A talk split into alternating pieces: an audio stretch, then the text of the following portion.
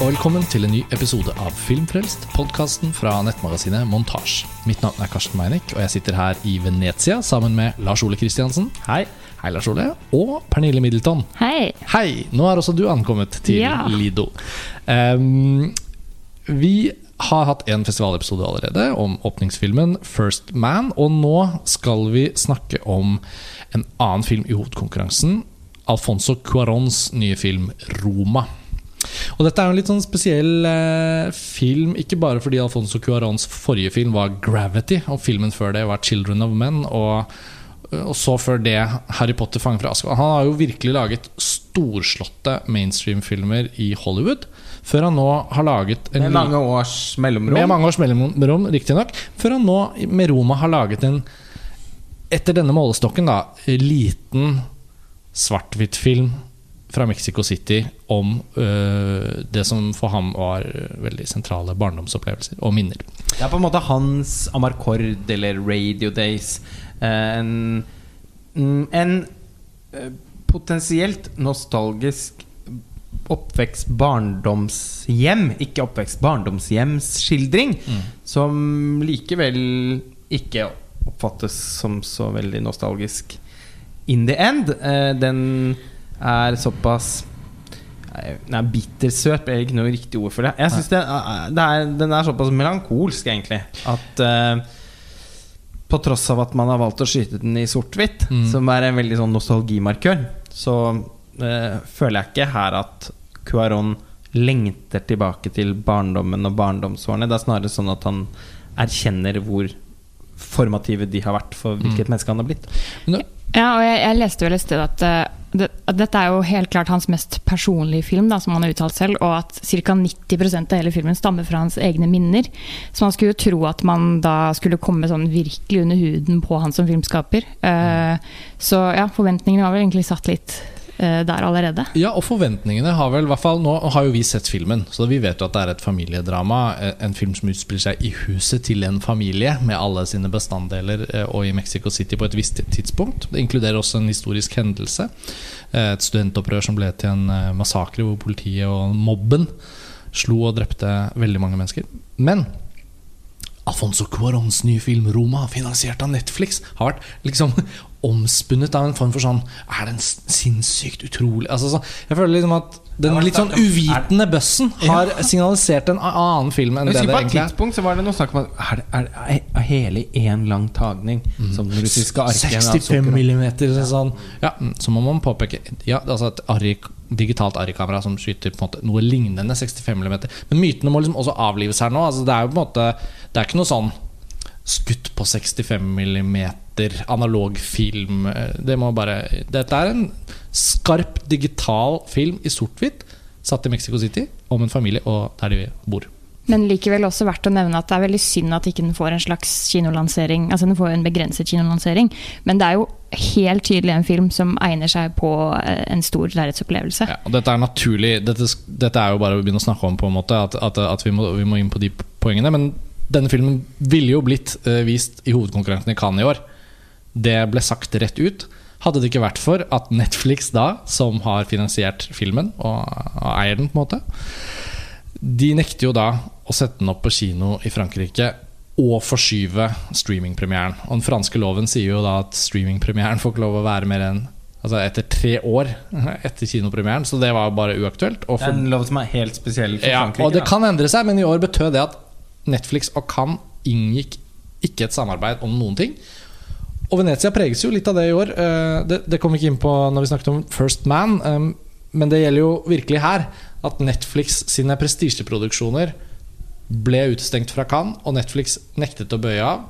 Dermed får mange av dem premiere her i Venezia. Den første av de som vi har sett, det er da Roma til Alfonso Cuarón. Så den skal aldri settes opp på kino i Norge hvis ikke det er en festivalvisning. Og den kommer til å bli tilgjengelig på Netflix i hele verden når den har premiere. Og det er sannsynligvis i november. Eh, Midt i Oscar-race. Og, Netflix håper jo i år å bli virkelig en del av Oscarsesongen. Og det ser vi jo i Venezia. De andre premierene er Coen-brødrenes nye film, som egentlig var en TV-serie som er blitt en film.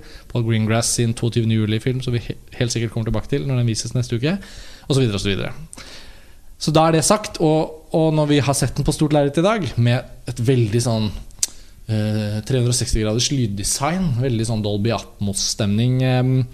Så får man jo virkelig følelsen av at dette er en film som, som er lettere å like desto større lerret og desto mer sånn konsentrert omgivelse du ser den i. Ja, for Den tåler vel egentlig ikke noe særlig forstyrrelsesmomenter. Jeg kan fort se For meg, at- for den er jo litt lang.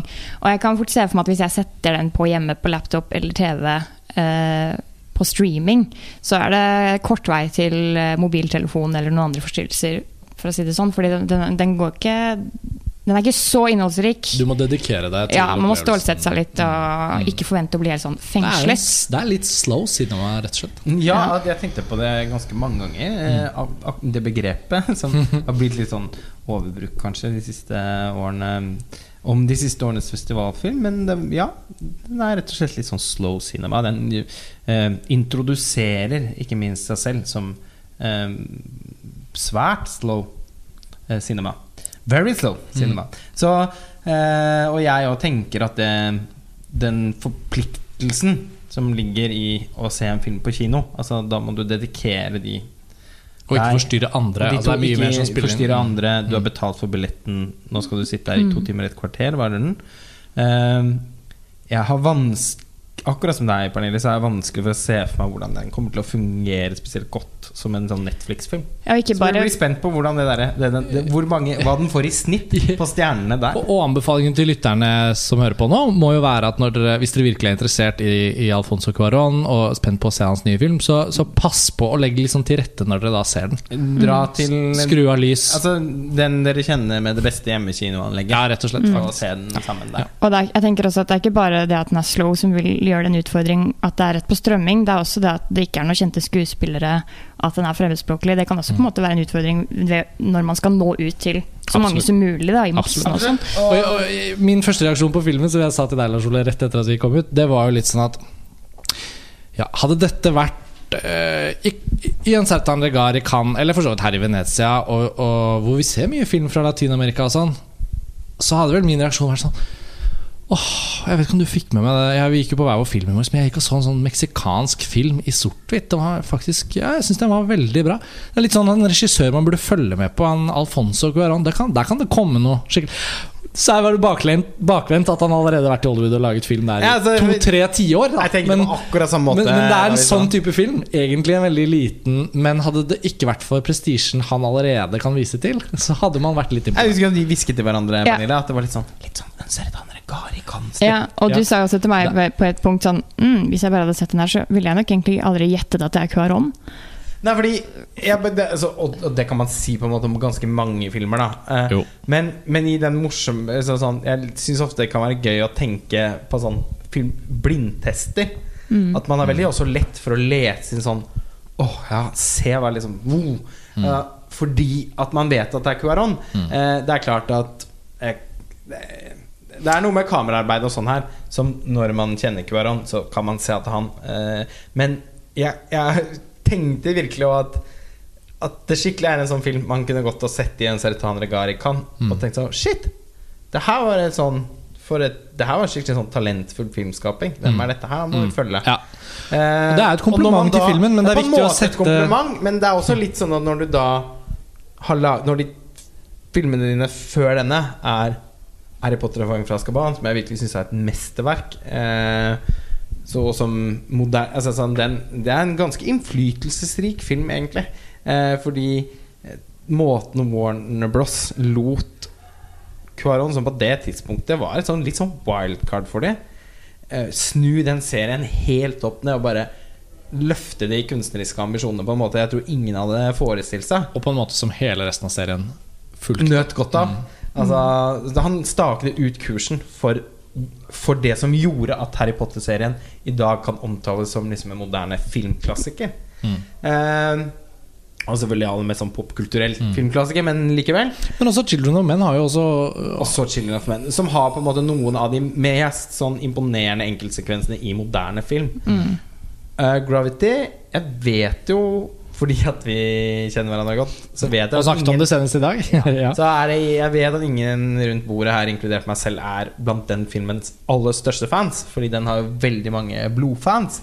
Men at hun er et et, altså et teknisk eh, mesterstykke. Det er det jo ingen tvil om. Han vant syv Oscar. Inkludert beste regi. Ja. Og det var ikke sånn at det var ufortjent heller. Nei, Fordi da, eh, Hadde det ikke vært for selvfølgelig at Wolf Wolf Wall Street, Street, så. burde vunnet alt. Men uh, Cuaron viste hva han kan. Ja. Og de tre filmene du nevner, er jo også eksempler på en filmskaper som da har gått opp stier i Hollywood og klart det. Liksom Tre filmer på rad. Og det, Så, sånn sett så, så opplever Det er kanskje litt sånn vanskelig å få den helt sånn store Det kiler i magen-følelsen av Shit, Cuarón har laget ny film. Ja. Ja. Det er dette. Ja, nei, jeg, jeg er enig i følelsene deres. eh, og jeg har jo egentlig et eh, Dessverre bare et kommersielt forhold til den kommersielle Cuaron. Jeg har ikke sett de tidligste filmene hans. Mm. Så det var litt sånn spesielt å komme til det her, fordi Bøssen hylte jo etter at å, dette er en av de filmene som er liksom høyest på radaren i år, og en av de du skal se aller mest frem til i Venezia. Og, Ja, og sånn fordi at når man lager en og en halv film i tiåret, så er det jo klart at da gleder man seg jo litt. Man rekker jo å glede seg Ja, litt. gjør det. Jeg må jo jeg må innrømme at jeg er litt skuffet over, over, filmen. Altså, I den forstand at jeg syns bare ikke den er spesiell nok til å være en sånn stor kunstnerisk begivenhet. Og når man er en så anerkjent, eh, tungt anerkjent og litt sånn sagnomsust filmskaper som Cuarón, som på en måte for, for, for hver nye film han har laget de siste 15 årene, så har han på en måte Har det jo litt vært litt sånn jordskjelvaktig hver gang. Og det er klart da Da blir man kanskje litt sånn skuffet når det ikke er tilfellet her. Hvor det egentlig er en veldig sånn konvensjonell eh, barndomsskildring. Eh, som i- imidlertid har et helt sånn spesifikt fokus. Fordi hovedkarakteren her er jo ikke barna, og ikke moren. Og i hvert fall ikke den fraværende Faren. utro drittfaren. Men eh, hushjelpen, som heter Cleo.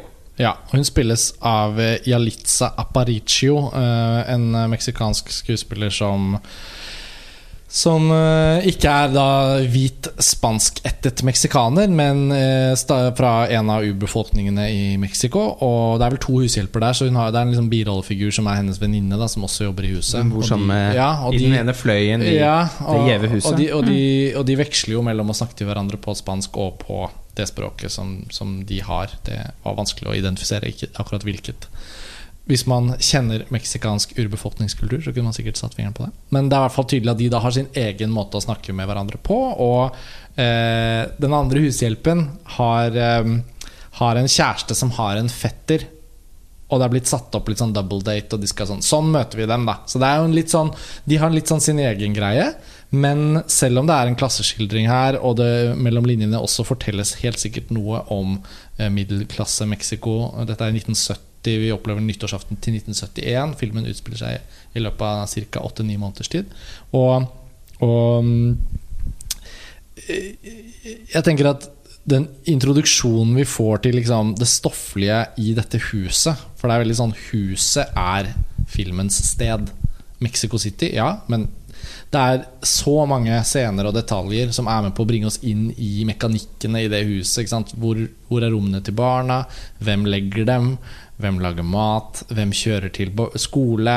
Hvordan parkeres bilen? Hvem passer på at hunden ikke løper ut av inngangsporten? Som man ofte sier, huset er på en måte en karakter Ja. i seg selv, ja. Men stedene har stor betydning for filmen. Det, Ja, det leste jeg er litt filmen, i- føler jeg. Ja, ja, ja at, eh, og han har jo også vendt tilbake til mange av disse stedene hvor disse minnene faktisk skjedde. Ja, og Så filmen, det får liksom ikke blitt mer autentisk, Nettopp. på en måte. Filmens tittel henspiller jo også på denne bydelen i Mexico. Dette visste jo ikke jeg fra før av, men det er sånn man kan lese seg til når man har sett en film som dette.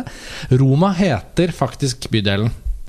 Og da, så det må ikke misforstås med da eh, Jeg satt og tenkte en Den italienske hovedstaden, eller Fellinis film, for den saks skyld. Ja, for det var det jeg tenkte på, da. For jeg visste, hadde ikke fått med at det var en bydel i Mexico City. Så jeg satt Hvorfor heter den Roma? Så jeg, I begynnelsen så var så tenkte, Men det det ble på en måte bare feil etter hvert. Fordi det var jo ikke sånn Men i begynnelsen så kan man si at filmen hadde noe litt sånn anekdotisk over seg. Eh, og Den dagen da pappa kjørte over hundebæsj. ja, og så liksom, og så tenkte Den hvis det kommer dagen flere da. sånn Nettopp, Nettopp, nettopp Så tenkte jeg, og hvis dette liksom vokser seg til å bli et slags sånn kjærlighetsbrev til Mexico City Så kan det jo hende bare at Alfonso Cuarón er en blodfan av Roma Fellinis Roma. En av mine personlige favorittfilmer. Men uh, det er nok ikke tilfellet. Nei, og så Man må måte bare ta den tittelen som den er. Filmen kunne egentlig gått mye heller het Cleo. Fordi hovedpersonen, denne hushjelpen, gradvis For det er en ganske saktegående film, det har vi vært inne på. Altså sånn Etter sånn 40-45 minutter så begynner det å, å tilspisse seg en form for sånn dramatisk drivkraft i filmen. Uh, og Cleo, hun hun er en veldig sånn skjønn, nydelig, men også ganske sånn moderat personlighet. Hun, hun vil ikke liksom Hun vil ikke være til bry for noen, men hun vil også liksom være et menneske som har sitt eget kjærlighetsliv, som har sine egne tanker, og som Men hun er veldig sånn servil. Ja, hun er- underdanig. ja, i og, liksom og Der ligger jo også et klasseportrett som er veldig sånn muted, men som er der. Ikke sant? I Og som er litt grad- uforløst. Ja, men som også er liksom sånn Men det er, det er ikke det filmen handler om, men den forteller også om det. Sånn at i bunn og grunn så handler filmen om eh, hvilken Altså, den handler om en serie Ikke en serie. En rekke av kvinner som står i et forhold til hverandre i et hjem, og barna som vokser opp der. Hushjelpene, og da hovedpersonen er en av de. Moren i huset, som opplever at mannen eh, ikke er på konferanse, men har en elskerinne, og sakte, men sikkert glir vekk og flytter ut av huset og glir vekk fra familien sin. Og hennes mor igjen, altså bestemor i huset, som er en slags eh, madre familias, liksom. Og, og i den hva skal vi si, den aksen da, mellom disse kvinnene, så skildres det da eh, rollefor, rollefordeling, på en måte. Hushjelpen, klasseskillene. Mor, rollen som mor. Og hovedpersonen Cleo blir da også gravid med denne daten, eller kjæresten. Så når det inntreffer, så skjønner man også at moren i huset er, har, har stor ømhet og kjærlighet for Cleo. Barna elsker henne. Hun tar henne med til sin lege. Det er åpenbart Hun passerer på en måte alle disse øh, sperrene, økonomiske sperrer, klassemessige sperrer. Hun bare tar henne med rett inn på sykehuset til den legen hun kjenner, og der får hun hjelp. Så det er noen sånn at alle disse scenene liksom, sakte, men sikkert bygger opp det som etter hvert blir til et drama. Men det er viktig å fortelle da at filmen har denne typen eh, identitet. Og den har tidvis lange tagninger, og tidvis ikke så lange tagninger. Men ofte sjelden skudd motskudd og sånn. Og så Cuarón har jo selv fotografert denne filmen. Emanuel Lubeskens faste fotograf, som, som folk burde kjenne til, er jo da Han var opptatt, tror jeg det var, og da, da gjorde Lubeski det selv, med sikkert godt samarbeid med Grip og Fokuspuller og hele det teamet. Sånn at man, man får jo en veldig sånn klar følelse av at han ønsker Det er jo en film som åpenbart har blitt sånn som han har villet. Den føles veldig kontrollert og stødig og, og, og på alle mulige måter gjennomarbeidet. Og når det da er sagt, så føler jeg liksom at filmen blir litt sånn Hva opplever man når en film er sånn? Jeg vet at Av oss tre så var det jeg som fikk den sterkeste emosjonelle reaksjonen på denne filmen. Men samtidig så har ikke jeg noe problem med å være enig i at de grepene som er tatt, får konsekvenser for liksom hva slags film det blir. Åpenbart. Altså, det, er en, det er en film som ikke er så lett å komme inn i. Den har kanskje ikke den, den typen varme vi kjenner for fra andre type familiedramaer. Det, jeg synes det virker som at filmen er eh, helt åpenbart en slags eh, en kjærlighetserklæring til de kvinnene som har vært støtteapparatet hans under oppveksten. Eh, det kommer veldig tydelig fram at eh, det er på en måte kvinnenes historie, på en måte, hva de får til, og på måten de støtter hverandre. og egentlig holder familien sammen da, som et lim, mens eh, fedrene og de mannlige figurene er generelt i periferien eller ganske motbydelige. Eh, og jeg likte veldig godt at hun Cleo fremstår jo først og fremst som hovedkarakteren, med disse andre kvinnene som også er sentrale rundt. Og som du sa i stad, hun har et ønske om et eget liv og sine interesser, og hun har på en måte et privatliv, selv om hun er en så stor del av familien. Og det likte jeg skikkelig godt, at hun har disse ønskene, og hun strever etter det, men hun blir aldri straffet for det heller. Jeg, jeg, jeg frykta veldig at det skulle komme sånn at hun skulle få smekk på lanken fordi hun ble gravid, eller få sparken, eller at det skulle bli en eller annen sånn lidelsesfortelling, og at hun gikk vekk fra sine, hva skal man si, sine oppgaver da, og Nå har, jo, nå har vi jo snakket om at vi ikke ønsker å komme med noen spoilere. Og Det er ikke en sånn typisk spoilerfilm, men det er enkelte hendelser i filmen som det føles bedre å ikke avsløre. Rett og slett bare for at lytterne kan få lov å oppleve det selv. Men når filmen er på sitt mest dramatiske, så føles det jo som en svært eh, dramatisk film. Mm. både fordi samfunnet rundt denne familien Det skjer jo da disse studentopprørene og sånn Når det begynner å dra seg til, så skjer jo alt det dramatiske samtidig. Men så har også filmen evnen til å da på en måte både la alt det fæle skje, Men også finne en måte å bringe historien da videre derfra. Som jeg, det likte jeg veldig godt. Og jeg må jo da bare si at jeg ble veldig rørt eh, på et tidspunkt i filmen når, eh, når det er en hendelse som både er dramatisk, men også etter hvert ganske tragisk. Og da, da kjente jeg liksom at eh, Og jeg tror jeg, jeg, til og med da Man blir jo litt selvbevisst, og så tenker jeg sånn Nå er jeg spent på om dette er noe som alle ble grepet av i like stor grad. For filmen er ikke spesielt sånn Den er ikke manipulerende på følelsene. Ønsker ikke å få deg rørt aktivt. Den er ganske kald på en måte, eller sånn filmspråklig. Det er noe med at Den har ikke noe sånn fenomenologisk touch. Det er ikke noe sånn fluer, støvkorn, lukter Den er veldig sånn klinisk på en måte. Men jeg ble veldig grepet når det først inntraff, og da var jeg ganske jeg tror ikke jeg har grått så helhjertet, for å si det på den måten, siden visningen av 'Call Me By Your Name' på filmfestivalen i Berlin i 2017. Jeg ble faktisk også ekstremt rørt, selv om jeg ikke kan relatere i det hele tatt på samme måte som deg. da. Mm. Uh, og det føler jeg også at filmen trengte en sånn veldig skarp emosjonell oppsving. Uh, mm. da hadde, vi, da hadde det latt vente på seg så utrolig lenge. Og jeg var litt redd for at den skulle bare eh, gli ut, at klimaks også skulle være en sånn slow cinema-piece. da. Mm, mm. Men den trengte på en måte det oppsvinget, og at det en skulle bli litt rysta. da. Ja, men jeg tror det er et sånn bra eksempel på hvordan man kan være litt sånn forskjellig. Da vi så 'Shoplifters' til Korea i Cannes, f.eks., var jeg den som gråt. Mm. Eh, mens dere hadde en litt mer dempet emosjonell reaksjon på den. Og, eh, eh, og her var det jeg som var den litt kjølige. Eh, og jeg vet ikke Jeg tror jeg ofte kan slite litt med sånn Trykke på knapp Altså når noe bare liksom kommer og er i sitt motiv, og som liksom er på en måte sånn grunnleggende rør, gripende. Men jeg blir ikke alltid så tatt av det. Altså sånn Jeg må ha en sånn oppbygning, og jeg må komme nære. Og du har jo allerede vært inne på det, kanskje, så jeg trenger ikke egentlig utdype det så mye mer.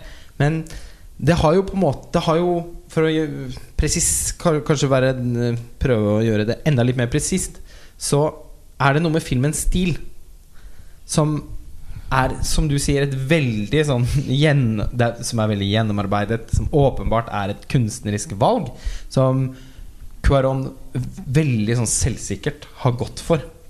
Men ved å velge å skyte den i digitalt sort-hvitt Digitalt sort-hvitt er noe av det min mest sånn følelseskalde jeg vet om. Eh, ikke uten grunn bruker Haneke det i det hvite båndet. Eh, det får ikke den samme feelingen som når Woody Allen skyter sort-hvitt på 35. Eller på en måte man sier da, det, det er ganske Det er sånn iskaldt. Eh, så er det også noe med Cuarons kameraarbeid som jo ligner. Altså de samarbeidene hans med Lubeski. Mange lange tagninger, ofte på avstand fra rollefigurene. Eh, her syns jeg nesten han var enda mer på avstand enn han pleier. Det er som om kameraet liksom bukter seg rundt som en slange eh, i leiligheten og bare liksom Følge registrerer, følger med. Mm, en observasjon av hverdagslivet. Og, og, og at han i mise en scène ønsker å inkludere så mye som mulig. Og da blir det jo ofte til at han ikke ligger så tett, fordi han ønsker Sånn som i, sånn som i den scenen i kinosalen når hun er der med han daten som hun ikke kanskje kjenner så godt. Og vil gjerne fortelle han at hun faktisk ikke har fått mensen, og at hun, hun er gravid. Da, det er jo en veldig imponerende eh, liksom, der, der, er, Kameraet står kanskje på det riktige stedet for Cuaron, fordi han kan fortelle om kinoen, han kan fortelle om filmen de var og så, han kan fortelle om publikum, han kan fortelle om perioden. Og ikke minst ser det Ja, ja, ja, altså Alt skjer i den ene eh, framingen. Det veldig flott. Men det er en typisk sånn scene hvor Ja, utrolig bra. Men når vi først er inne på det, så er jo også sannheten om den scenen at vi får jo ikke delta i den følelsen hun har, når han da svarer 'jeg må gå på do', og så kommer han ikke tilbake. Jeg følte at de hadde Det er egentlig en veldig viktig emosjonell dialog. en relasjon i filmen som minnet om en, liksom en prostituert og en eh, kunde, omtrent. Mm. Altså, sånn, det var iskaldt skildret, i hvert fall. Men det var også litt fordi det var jo ikke så mange scener eller så mange minutter med de to. Nei, det var jo Den ene scenen brukes jo til at han eh, danser kung fu med ristende tiss uh, foran henne i flere minutter. Ja. Uh, som jo var en oppsiktsvekkende Ganske kul scene. Det var, en kul Det var en kul scene. Ja, absolutt. Liksom en Sånn male, male frontal nudities Ja. får liksom endelig en av de representantene som man bare kan forholde seg til. For det ble ikke klippet noe særlig heller. Nei. Han hadde en sånn uh, dusjforhengpinne som han tok ned fra badet inne på et sånt hotellrom, hvor de i hemmelighet på en måte har møttes for å, for å elske. Og så er det da åpenbart sånn post sex at han er da blitt litt sånn leken, og så skal han da vise at han driver med sånn japansk kampsport av noe slag, og, og gjør en sånn ganske langvarig manøver. Hvor, hvor hvis man tror at fokuset havner på den ja, på. Og hvis man tror at publikums fokus går på den eh, dusjforhengsstangens bevegelser, så nei. Det blir jo litt påfallende at han er helt naken. Da, sånn at hans kjønnsorgan fyker og dingler i alle mulige retninger. Men det er jo ikke det man ser så ofte på film. Nei, nei, altså, men, men det bidrar jo kanskje heller ikke til en sånn veldig sånn God introduksjon av den rollefiguren. Nei, eller hva, hva, noe med altså, Relasjonen mellom de to oppleves ikke som så veldig Og det viser seg også å være dårlig. Ja. Så Men det er noe et eller annet når man holder så Det blir noe sånn veldig uttenkt og liksom Og vakkert skulpturert, men ikke helt jeg, jeg begynner å lure liksom Hva slags Hva er det Al Alfonso Cuarón, hvem er han? Hva vil han fortelle oss? Det begynner å glippe litt for meg med disse filmene. Altså jeg, jeg føler ikke at jeg blir kjent med jeg, jeg føler på en måte ikke at det er helt personlig filmskaping. Og selv om det er egenartet. Mm. Og i denne filmen, som er hans mest personlige film, så syns jeg heller ikke det fremsto spesielt personlig. Nei, Man si, og der er jeg også enig i at stoffet i manuset er personlig for ham fordi han sier at det er det. Men måten kameraet forholder seg til det stoffet på, er ikke personlig. ja, det er nettopp det. Han kan si det så mye han vil, men det betyr jo ikke nødvendigvis at man får en slags nøyaktig følelse av hvordan det er. Det, det jeg sitter igjen med, er at jeg forstår at han har vokst opp på den måten, med de og de personene rundt seg som viktige eh, støttespillere i livet sitt. Men man får jo ikke noe særlig Man tar jo ikke del i følelseslivet hans eh, av den grunn. Og Nei, måte jeg får ikke ikke følelsen jeg- av å være barn i Mexico på den tiden. Nei. Men det er jo litt også fordi han har valgt å kanskje heller følge henne, da, som åpenbart ikke er han. ikke sant? Altså, er ikke hans og- historie. Men jeg, men jeg ble, ble også litt sånn at jeg følte at eh, den, altså den tråden i historien om Cleo, den er ganske enkel å bli litt engasjert i. Men eh, skildringen av det å være i familie, det å være barn det å, den, den omhandler jo også mange av de samme skilsmisse. skilsmisse. Den omhandler en del av de samme temaene som eh, Shoplifters til Koreda gjorde.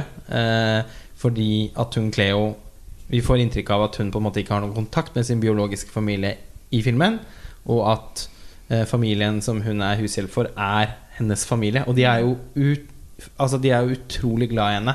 Og den eh, kjærligheten blir skildret på en overbevisende, men ikke veldig gripende måte, syns jeg, i filmen. Og så bare totalen av det er at jeg sitter litt og føler sånn Men hva er det jeg skal få ut av dette? Altså Selv om det er hans fortelling, syns ikke jeg jeg lærte noe. Eh, det gjorde jeg når jeg så Shoplifters.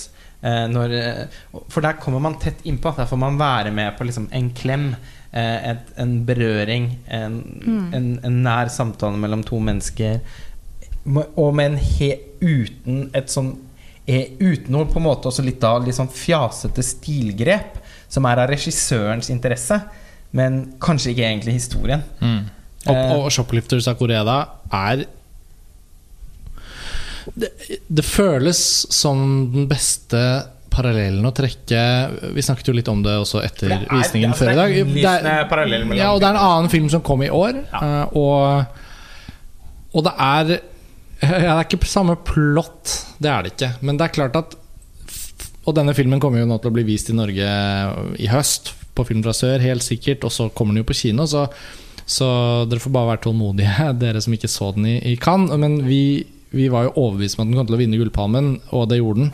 Og er grunnen, grunnen, til at den, ja, og grunnen til at den filmen er så uh, ekstraordinært god, og den, den, den setter jo en film som Roma i skyggen, fordi filmene sikter mot noe av det samme. Altså at Dynamikken mellom mennesker vet vi mennesker så utrolig mye om. Og Hvis en film skal klare å liksom skape identifikasjon og troverdighet der, så holder det ikke at man bare viser ting som skjer, men det Koreda har forstått etter mange filmer om det samme. Ja. Jo, men det blir jo sant på en utrolig komplementerende måte. Da, at liksom Shoplifters, som er mesterverket, bidrar jo til at alle de andre egentlig også ble bedre, fordi du ser hvor han er på vei, og du kan knytte dem sammen. eh, Og, Han holder jo på med veldig Ja. mye av det samme i Og- 'Søstre'. og ja, absolutt. Og, Særlig og, den og Cuaron. Cuaron lager sin film, men hadde han bare blitt litt mer inspirert av en filmskaper som Koreda, så kunne han kanskje funnet enda mer å fylle filmene sine med. For det mangler noe. Det gjør det. Og det kan jeg si, selv om jeg ble fryktelig grepet av, av sekvenser i Roma, eh, som, som traff meg veldig. Så ser jeg også at filmens helhet har en avstand som, som er den avstanden til Gullpalmen, på en måte. Og nå som dere først er inne på å sammenligne de to eh, til en viss grad, så er det jo det er klart at det er vel noe med det at det er lettere å bli grepet når man følger ting fra perspektivet til et barn, eller opplever situasjoner fra et barn, sorgen til et barn. Fordi det er jo et mye mer eh, sårere standpunkt å være i. Og det er kanskje der Roma eh, har mangler, da. Fordi du føler jo aldri på en måte tragediene egentlig fra barnas Nei, nei, perspektiv, er som er måte- alltid de mest sårbare i en familie og en Ja. sånn setting, hvor det det- skjer tragedier. Det er jo et tydelig valg, da. Eh, Men som på en måte man må Men dette handler jo om Cuarons oppvekst. Det burde jo være mer. Ja, altså, sånn, hvordan var det et ja. barn så det? For ikke det sant? passer ikke sammen. Fordi det skal jo være en tid hvor han var barn, hvordan han opplevde det som barn. Ok, Hvor er synspunktet til et barn? Og Hadde- barnets blikk er, eksisterer ikke i filmen. Og, og, og han hadde ikke anledning til å se Shoplifters før han lagde Roma, da. Men hadde, hadde, hadde han hatt muligheten, så ville han sett at det går an å lage en sånn type film med et sånt uh, bredt rollegalleri, og ikke uh, så tydelig tildele én hovedperson hovedfokuset. Uten at det er rom for at andre også er en slags hovedperson. Shoplifters, ja. Bare for, Ja, mm. Shoplifters er jo en film hvor jeg, når jeg tenker tilbake på den, så tenker jeg sånn Det er jo flere av dem som føles som hovedpersoner når jeg tenker på den nå. Ba, det er parabarna, åpenbart, som man føler at man opplever historien gjennom, men også de voksne. Eh, og, og i Roma så er da valgene tatt på en sånn måte som gjør at du kan ikke liksom Det blør ikke over fra det ene til det andre. Det er sånn at det er denne måten du må oppleve filmen på. Og, og det blir jo da litt va Det blir noe sånn vakuumaktig rundt hvordan den er lagd. Du kan ikke liksom lese den fra forskjellige vinkler. Du får ikke en annen person opp i hovedpersonstatus til å oppleve det fra. Og det hadde kledd filmen om et av barna i mye større grad ble gitt en form for sånn subjektivt eh, perspektiv på det som foregår. Og Det tror jeg definitivt hadde vært positivt for filmen. Ja, fordi det eneste du får, egentlig, er jo at de sitter og har en litt sånn trist spise-is-sekvens etter at de faktisk får sannheten om faren, da. Ja, at, uh, Og den er veldig brief. Ja, og Ja. da er det, no, da er det, noe sånn, det er noen fine sidestillinger. At de har- et sånt veldig sånn, eh, lykkelig bryllup som foregår i bakgrunnen, og så sitter de i forgrunnen og er midt i nettopp fått tragedien servert på bordet. Og da blir jo den selvfølgelig den sekvensen litt sånn forsterket, men samtidig så klarer jeg ikke å sitte og synes, synes nok synd på dem. Altså det beste Fordi vi ikke har blitt kjent med dem.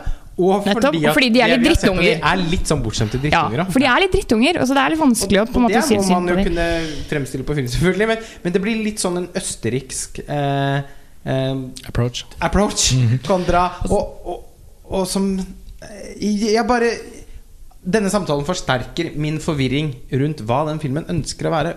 Hva den vil fortelle oss. Det vi etterlyser nå, er også noe som Cuaron utrolig nok da gjør et sted i filmen, på en måte. Eh, som er et eksempel på at man kunne hatt mye mer av det. Det involverer ikke for så vidt eh, en rollefigurs sånn, mer subjektive perspektiv, men på et tidspunkt i filmen så er de og feirer nyttår eh, hos noen andre, eh, og så er det på en måte en ja, en annen som tar med seg Cleo ned til sånn arbeiderklassen slash hushjelpenes fest. Ja, og så serveres det noe alkohol, men da er hun gravid, så nei takk og sånn. Men så får hun likevel en litt sånn mild drink i en kopp, og så er det sånn skål med ønske om lykke for det nye året. Og idet de skal skåle, så bomper det en sånn dansende festgjest inn i Cleo, sånn at hun mister koppen. Og da serverer Hjortejegeren ja, da serverer Cuaron et sånt klipp til et isolert nærbilde av knust keramikk omgitt av tapt drikke.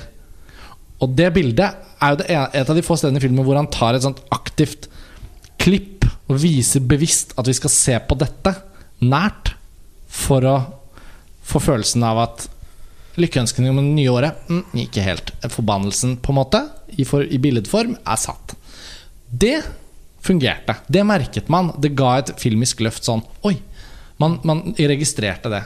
Men, men filmen hadde hatt godt av å, å tenke mer sånn mange andre steder.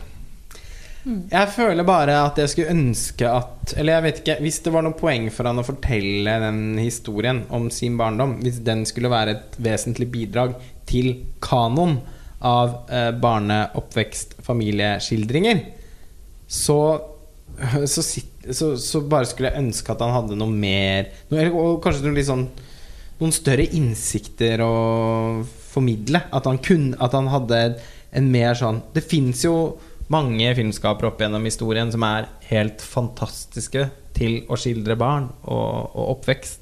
Og det å leve i en familie som barn. Fra eh, Lasse Hallstrøm til Louis Malle til Francois Truffaut. Altså, eh, Nils Malmros. Eh, og jeg føler bare skikkelig Åkoreda. Jeg, men jeg føler så skikkelig at han ikke er der. Mm. Og, og, og jeg blir bare enda mer usikker på, på, på hvem han er, og, og hva han eh, Nå virker det jo på en måte kanskje som jeg liker Setter mindre pris på Cuaron enn det jeg egentlig gjør. Fordi at eh, jeg er stor fan av i hvert fall et par av filmene hans. Eh, og altså men, men, men det er jo ikke den menneskelige innsikten på en måte som gjør 'Children of Men' til en utrolig film. Det er filmskapingen. Og selv om noen lot seg gripe av eh, Sandra Bullocks eh, indre følelsesliv Kamp for livet.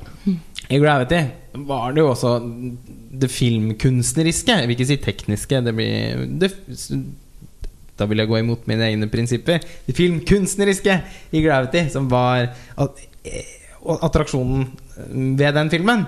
Eh, Og nå når han da lager et sånt nært, lavmælt familiedrama Altså, det eneste han har gjort fra de siste 20 årene som kan ligne litt, er jo da den uh, Utumama Tambia, Mm. som ble et slags sånn Og mora di også, som det heter Ja. norsk. Ja. Eh, Mm. Ja. Så, så det, uh, og, og da blir jo det litt en sånn blodprøve òg. På liksom Nå har du valgt å gå helt vekk fra det du har holdt på med de siste årene, fordi du har noe du virkelig ønsker å fortelle oss. Mm. Da syns jeg kanskje det var litt lite. Og det er kanskje sånn at uh, oppvekstskildringer ikke er helt hans greie, da. Og at det ikke er noe han bør satse på. For han er virkelig ikke en sånn, eller åpenbart ikke en sånn klar under huden-type regissør. Og selv om dette her skal være så veldig personlig og han går tilbake til røttene, så holdt det kanskje ikke å oppleve det selv. Jeg vet ikke. Nei, nei vi, får, vi får avslutte der. Ehm, Filmen er i alle fall verdt å se. Ja. Helst ikke uh, Please, ikke på laptopen. Da tror jeg det blir veldig lite igjen. mm, Oppsøk den beste hjemmekinoen du vet om. mm. Eh, Med, lag god, med god internettlinje. Lag avtaler. Og skru på litt- flymodus. Ta med litt snacks og en flaske vin til verten. Yes. Og så blir det Så blir det en, en visning som absolutt er verdt å få med seg. Ja. Nei, det er men ikke det, sånn at vi ikke anbefaler filmen, men den er litt Nei. underveldende. jeg syns det var eh, Av de par hundre filmene man ser i året, så var det vel topp to da av rørende filmer.